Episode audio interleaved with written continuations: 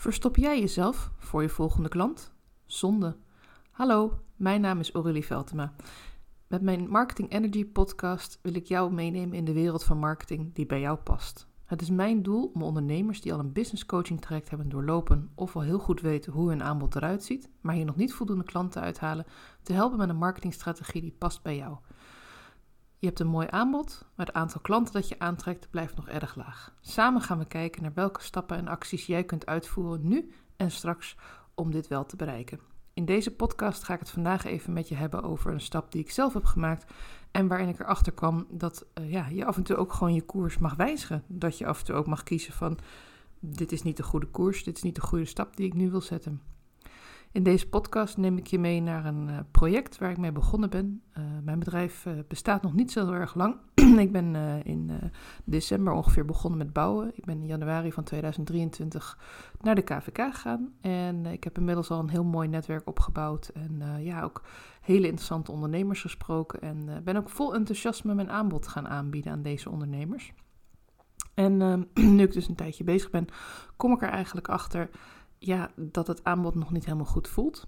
En misschien herken je dat. En daarom dacht ik, ik maak hier een podcast over. Ik deel hoe dit voor mij gegaan is. Wat heb ik hieruit geleerd? En ik hoop dat ik jou daarmee kan inspireren om uh, te blijven proberen. Uh, ondernemen gaat met vallen en opstaan. Je mag gewoon dingen proberen. Je mag uh, een keer ergens je neus aanstoten. Iets kan niet werken. Iets kan gewoon, ja, dat het wel werkt voor je buurvrouw, maar niet voor jou. En om dat te onderzoeken en, en ook te leren, te leren dat het zo is, ja, er is niet echt anders een andere weg voor dan het gewoon te doen. Mijn eerste aanbod voor een betaald product uh, was de Instagram Quickscam. Dit was een uh, product voor 89 euro, waarbij je uh, een, een, volledig rapport van mij krijgt op basis van jouw Instagram. Ik heb hiervoor behoorlijk wat tijd gestoken in Instagram-accounts, zowel het lezen van mensen hun posts, kijken van wat ze doen met video, hoe hun beelden eruit zien, uh, hoe kan ik jou leren kennen? Via jouw Instagram profiel. Sorry, ik heb een beetje een kikker in mijn keel.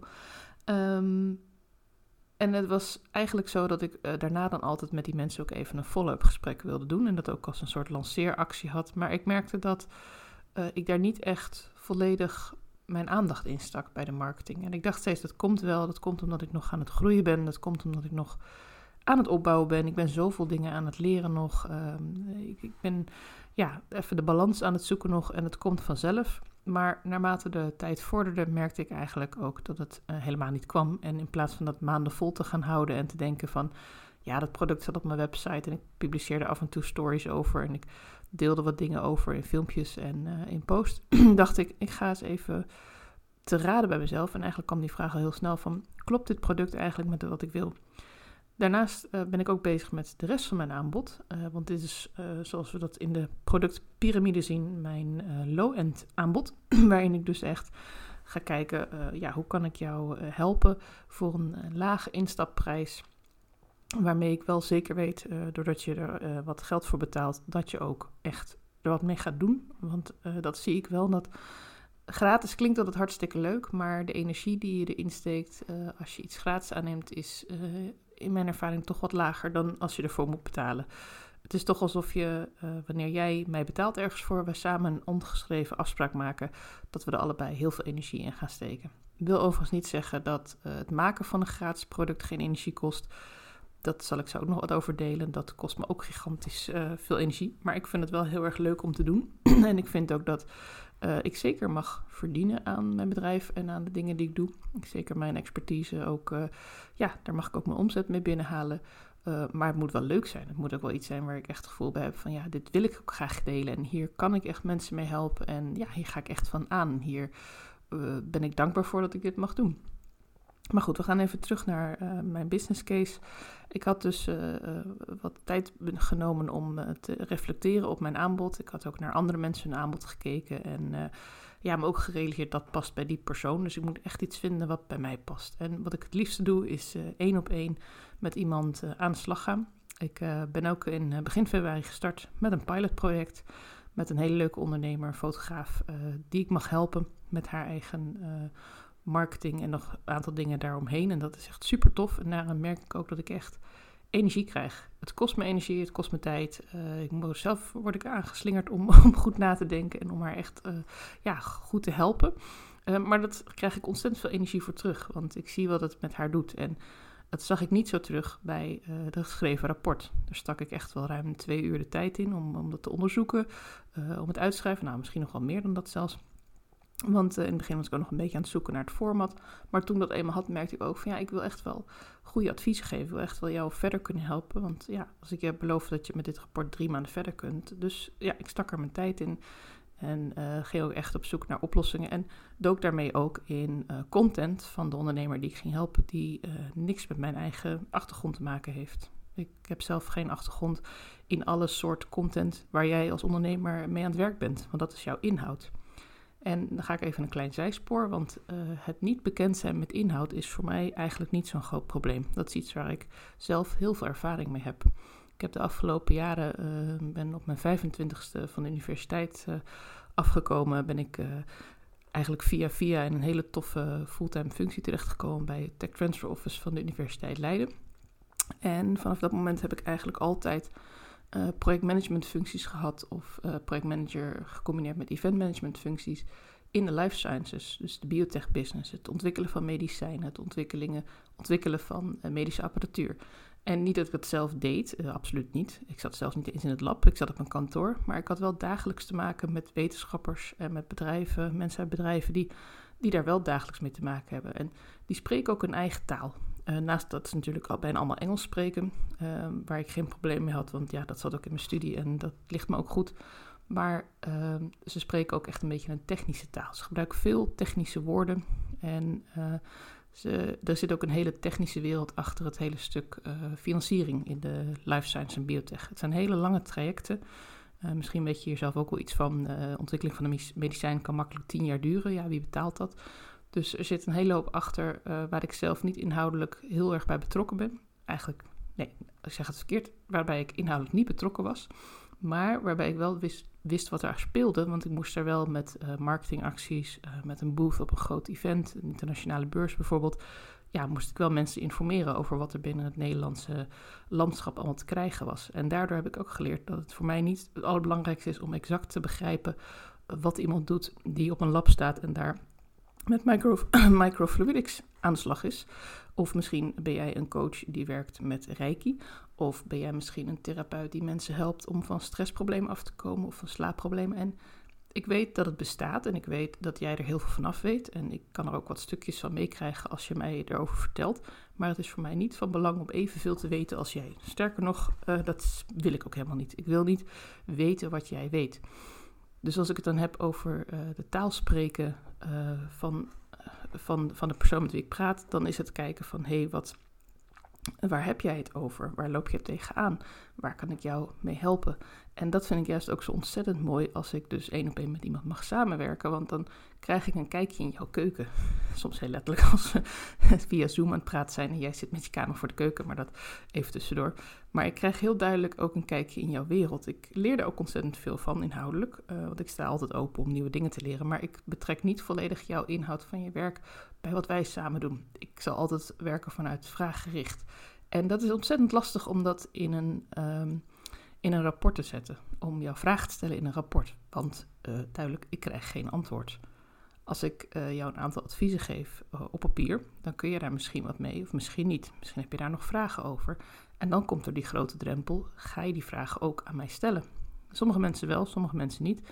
En ja, ik wilde dat risico eigenlijk niet lopen. Ik merkte dat mijn drive is om jou echt verder te helpen. En natuurlijk, ik kan van alles nog wat op papier zetten, maar als het een soort enorme massa aan informatie wordt, van je kan dit en je kan dat en je kan linksaf gaan en dan kan je naar rechtsaf gaan. Het is een beetje alsof ik jou uh, uit ga leggen, heel simplistisch gezegd, uh, vanaf Utrecht hoe je naar Bordeaux moet rijden ja, weet je, je moet het stap voor stap doen. En ik ga ook het liefst met je mee, zodat we weten dat we bij Parijs niet op de periferie de verkeerde afslag nemen, om maar iets te noemen. En dat is eigenlijk ook hoe ik het een beetje voel als ik in gesprek ga met een klant. Van ja, uh, komt het aan wat ik zeg? Uh, klopt het ook? Uh, kan het misschien zo zijn dat het voor jou anders werkt? Want ik ga ook niet uit van dat er maar één weg naar Rome is. Um, je kan op heel veel verschillende manieren je marketing invullen. Er zijn een aantal basisacties. Er zijn een aantal dingen die je echt wel op orde moet hebben, die je echt wel moet doen om klanten te bereiken. Maar daarin zijn ook weer heel veel mogelijkheden. En zijn er ook nog mogelijkheden die nu nog niet bestaan, maar die jij misschien zelf bedenkt, omdat we daar samen over gaan brainstormen.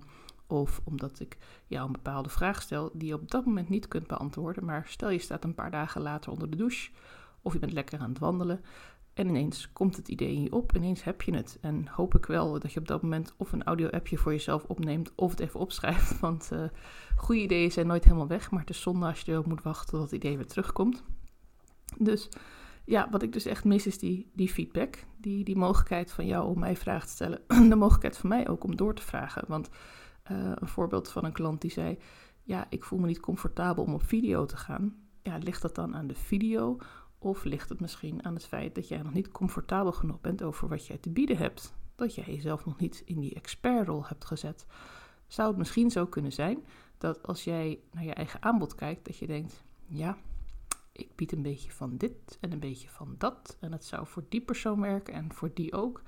En het zou ook nog wel voor die werken. En de buurvrouw kan misschien ook nog wel aanhaken. Maar als je dan even omdraait, stel je voor dat jij dat aanbod zou krijgen, voel jij je dan echt aangesproken? Voel je dan dat deze persoon, deze coach, jou echt verder kan helpen. Omdat zij eigenlijk een hele brede groep aanspreekt en allerlei dingen erbij haalt waarvan je denkt, ja, maar dat is niet mijn probleem. Daar ga ik niet voor betalen om dat op te lossen. Dat kan ik al. Of dat is helemaal niet nodig voor mij. Dus het kan zijn dat er veel meer achter zit bij het antwoord, ik durf niet op video. Het kan ook zijn dat je een prachtig aanbod hebt, maar dat je afschrikt van de techniek. En dat je denkt, ja, uh, straks doe ik het verkeerd. Of uh, straks ga ik ineens live terwijl ik een filmpje wil plaatsen. Of uh, straks zien mensen het en lachen ze me uit. Of vinden ze het stom wat ik doe. Overigens, dat gebeurt volgens mij zelden. En als zou het gebeuren, zou ik me er ook heel weinig van aantrekken. Want jij bent gewoon hartstikke goed in wat je doet. En je hebt een heel mooi aanbod en je wil dat juist de wereld inslingeren. En als er af en toe iemand tussen zit die vanuit wat voor reden dan ook dat dan stom vindt. Nou ja, dan laat je ze lekker in de sop. Ga ik ook toch. Zou me daar niet al te druk om maken. Dan ga ik weer even terug naar mijn eigen aanbod. Ik heb getwijfeld om de naam aan te passen, om het daarmee misschien ook meer duidelijk te maken. Het was eerst de Instagram Quickscan en toen heb ik er de Instagram check van gemaakt. Van het is echt een check die ik van jouw Instagram doe. Maar eigenlijk merkte ik gewoon, nee, dit is een soort labmiddel. Dit is niet de oplossing van mijn probleem. De oplossing van mijn probleem is namelijk om het uh, persoonlijker te maken. Ik wil graag met jou in gesprek. Ik wil heel graag uh, met jou praten over uh, de vragen die je hebt. En misschien ook wel de vragen die je pas krijgt terwijl we aan het spreken zijn over bepaalde acties die je hebt gedaan. Of die je nog wel wil doen. Of die je graag zou willen doen, maar eigenlijk vind je dat je daar nog niet genoeg voor geleerd hebt. Of uh, je wil een actie doen, maar je weet niet zo goed hoe je moet beginnen. En misschien heb je daar nog wel vragen over. Misschien geef ik je wel een suggestie en dat je eerst denkt: nee, dat is echt helemaal niks voor mij. En dan later tijdens het denk je, nou, als je het op die manier aanpakt, dan is het misschien wel iets voor mij. En stel nou dat ik dat op papier had gezet en je had meteen gezegd, nee, dat is niks voor mij. Ja, dan houdt het ook op. Het enige wat er dan nog kan gebeuren is dat je het rapport over een paar maanden nog eens doorleest en denkt, goh, ja, nu ik er zo tegenaan kijk. Dat vind ik zonde, want dan hebben we die paar maanden gemist. Dus laten we nu samen in gesprek gaan. Laten we echt dat uur nemen om samen te gaan kijken hoe wij acties kunnen inplannen die je nu direct kunt doen. Het kunnen hele kleine dingetjes zijn die een heel groot verschil kunnen maken. En ook kijken van welke voorbereiding heb jij nodig om grote acties te nemen de komende tijd. Ik vind niet dat ik heb gefaald ik vind niet dat omdat ik dit product nu na, na relatief korte tijd uh, toch stop en een heel andere kant op ga van geschreven rapport naar een gesprek, naar een soort coachgesprek, dat het een fout is geweest. Ik geloof sowieso niet dat als je aan het ontwikkelen bent en aan het groeien bent, uh, dat dingen meteen fout zijn. Ik geloof juist dat het een groeiproces is. En mijn aanbod mag passen bij wie ik ben en waarmee ik jou echt kan helpen. Zodat jij het gevoel hebt van ja, oké, ik ga Aurélie vragen om mij hiermee te helpen. Want dit is echt iets waarvan ik nu denk, ik kom er zelf niet meer uit. Ik loop vast. Ik zit hier al een tijdje tegenaan te hikken. En eigenlijk wil ik nu gewoon die stap gaan maken, maar ik weet niet hoe of ik durf nog niet zo goed. Dat mag allemaal. Start before you're ready. Dat is ook iets wat ik uh, regelmatig uh, uh, aanhoud voor mezelf. Betekent niet dat dat voor iedereen zo werkt. En dat betekent ook niet dat het voor alles zo werkt. Voor mij werkte het zo voor mijn podcast. Ik dacht gewoon, als ik nu niet begin, dan begin ik nooit. En eigenlijk denk ik dat mijn Instagram check ook een beetje start before you're ready was. Ik had nog niet helemaal door hoe ik mijn aanbod wil inrichten, maar ik ben in ieder geval ergens mee begonnen. Ik heb een aantal klanten kunnen helpen en daar ben ik ontzettend dankbaar voor, want de feedback die ik daaruit heb gekregen, die kan ik wel weer meenemen in wat ik nu ga doen, in mijn vervolgaanbod. En daarom is het ook veel minder eng om een keer te falen of om een keer ergens de stekker uit te trekken uit een project. Want let wel, ik trek de stekker uit één stukje van mijn aanbod, niet uit mijn hele bedrijf. Dat uh, ga ik zeker niet doen. Ik ga zeker gewoon door. En ik blijf je ook zeker inspireren met, uh, met posts op Instagram en met, uh, ja, met hier, met deze podcast. En klein oproepje, als je nou een bepaalde vraag hebt, zou ik het echt heel tof vinden als je me daarover mailt of een DM stuurt op Instagram. Check even de show notes voor mijn linkjes op Instagram, Auredrie V. Ja, zie je, daar ga je alweer de mist in, want hoe spreek je dit uit? en um, en als je denkt van, ik wil eigenlijk ook wel met Aurélie zo'n gesprek aangaan. Ik ben van plan deze op maandag 7 maart uh, echt te gaan lanceren. Dan wil ik de, de pagina ook openzetten en dan kun je zo'n gesprek bij mij boeken. Um, maar het is wel een voorwaarde dat je mijn gratis content marketing checklist dan hebt ingevuld. Want de content marketing checklist is een overzicht van alle stappen die jij kunt doen om je marketing te laten groeien. Het is heel erg belangrijk om te weten dat je niet alles wat erop staat ook echt hoeft te gaan doen of dat het allemaal bij jou past. Het gaat erom dat je een keer in beweging wordt gezet en aan het nadenken wordt gezet van hé, hey, past dit bij mij? Past dit bij mijn aanbod? Uh, is dit iets wat ik zou willen doen? Is dit iets wat ik misschien nu nog niet durf te doen of dat ik eigenlijk niet eens weet hoe ik dat moet aanpakken? Dat kan. Dan maak je een mooi lijstje met welke acties je wel zou willen doen en welke acties ook nog een beetje groot voelen. En vul hem ook gerust aan met je eigen acties. Want wat ik altijd heel fijn vind aan een checklist is: iemand geeft mij een rijtje ideeën. En als ik die allemaal doorgelezen heb, dan heb ik er zo nog 1, 2, 3 ideetjes bij. Maar ja, het moet ergens beginnen. Je kan niet alles op papier zetten. Het helpt gewoon heel erg om alvast een voorzetje te hebben. Dus vandaar dat ik dat echt als harde voorwaarde ga stellen van... Als je met mij in gesprek gaat, dan neem ik echt de tijd voor je, maar dan wil ik wel dat jij ook goed voorbereid bent.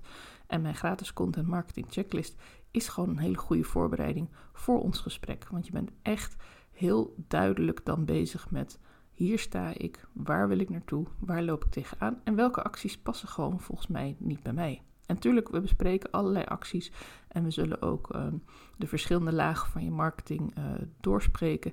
Het is echt niet zo dat we het alleen maar over je checklist hoeven te hebben. Maar op het moment dat jij je checklist al een keer doorgenomen hebt en al een keer ingevuld hebt, dan scheelt dat een hele hoop tijd tijdens ons gesprek. En die tijd wil ik graag gebruiken om met jou echte verdieping in te gaan voor jouw online content marketing. Nou, ik hoop dat ik je heb overtuigd om in ieder geval de, de gratis content marketing checklist in te vullen. En zelf uh, na te gaan denken over aan welke acties kan ik doen. En sommige acties kun je echt vandaag al opstarten. Misschien ben je nu lekker aan het wandelen en luister je naar mijn podcast. En denk je van hé, hey, als ik straks thuis kom, dan download ik even die checklist. En misschien dat er dan vanmiddag al iets is wat je direct op kan pakken. Dat zou ik hartstikke tof vinden. Heb je feedback over deze podcast of over mijn checklist, dan mag je ook contact met me opnemen via Instagram. Stuur me gewoon een DM of stuur me een mailtje op aurelie.socially.nl. Vind ik ook tof om van je te horen. En je krijgt natuurlijk altijd persoonlijk antwoord van mij. En ik probeer dat zo snel mogelijk te doen, maar laten we even afspreken binnen één werkdag. Ik vind het ontzettend leuk om van jou te horen, want op die manier maken wij de connectie. Een hele fijne dag nog.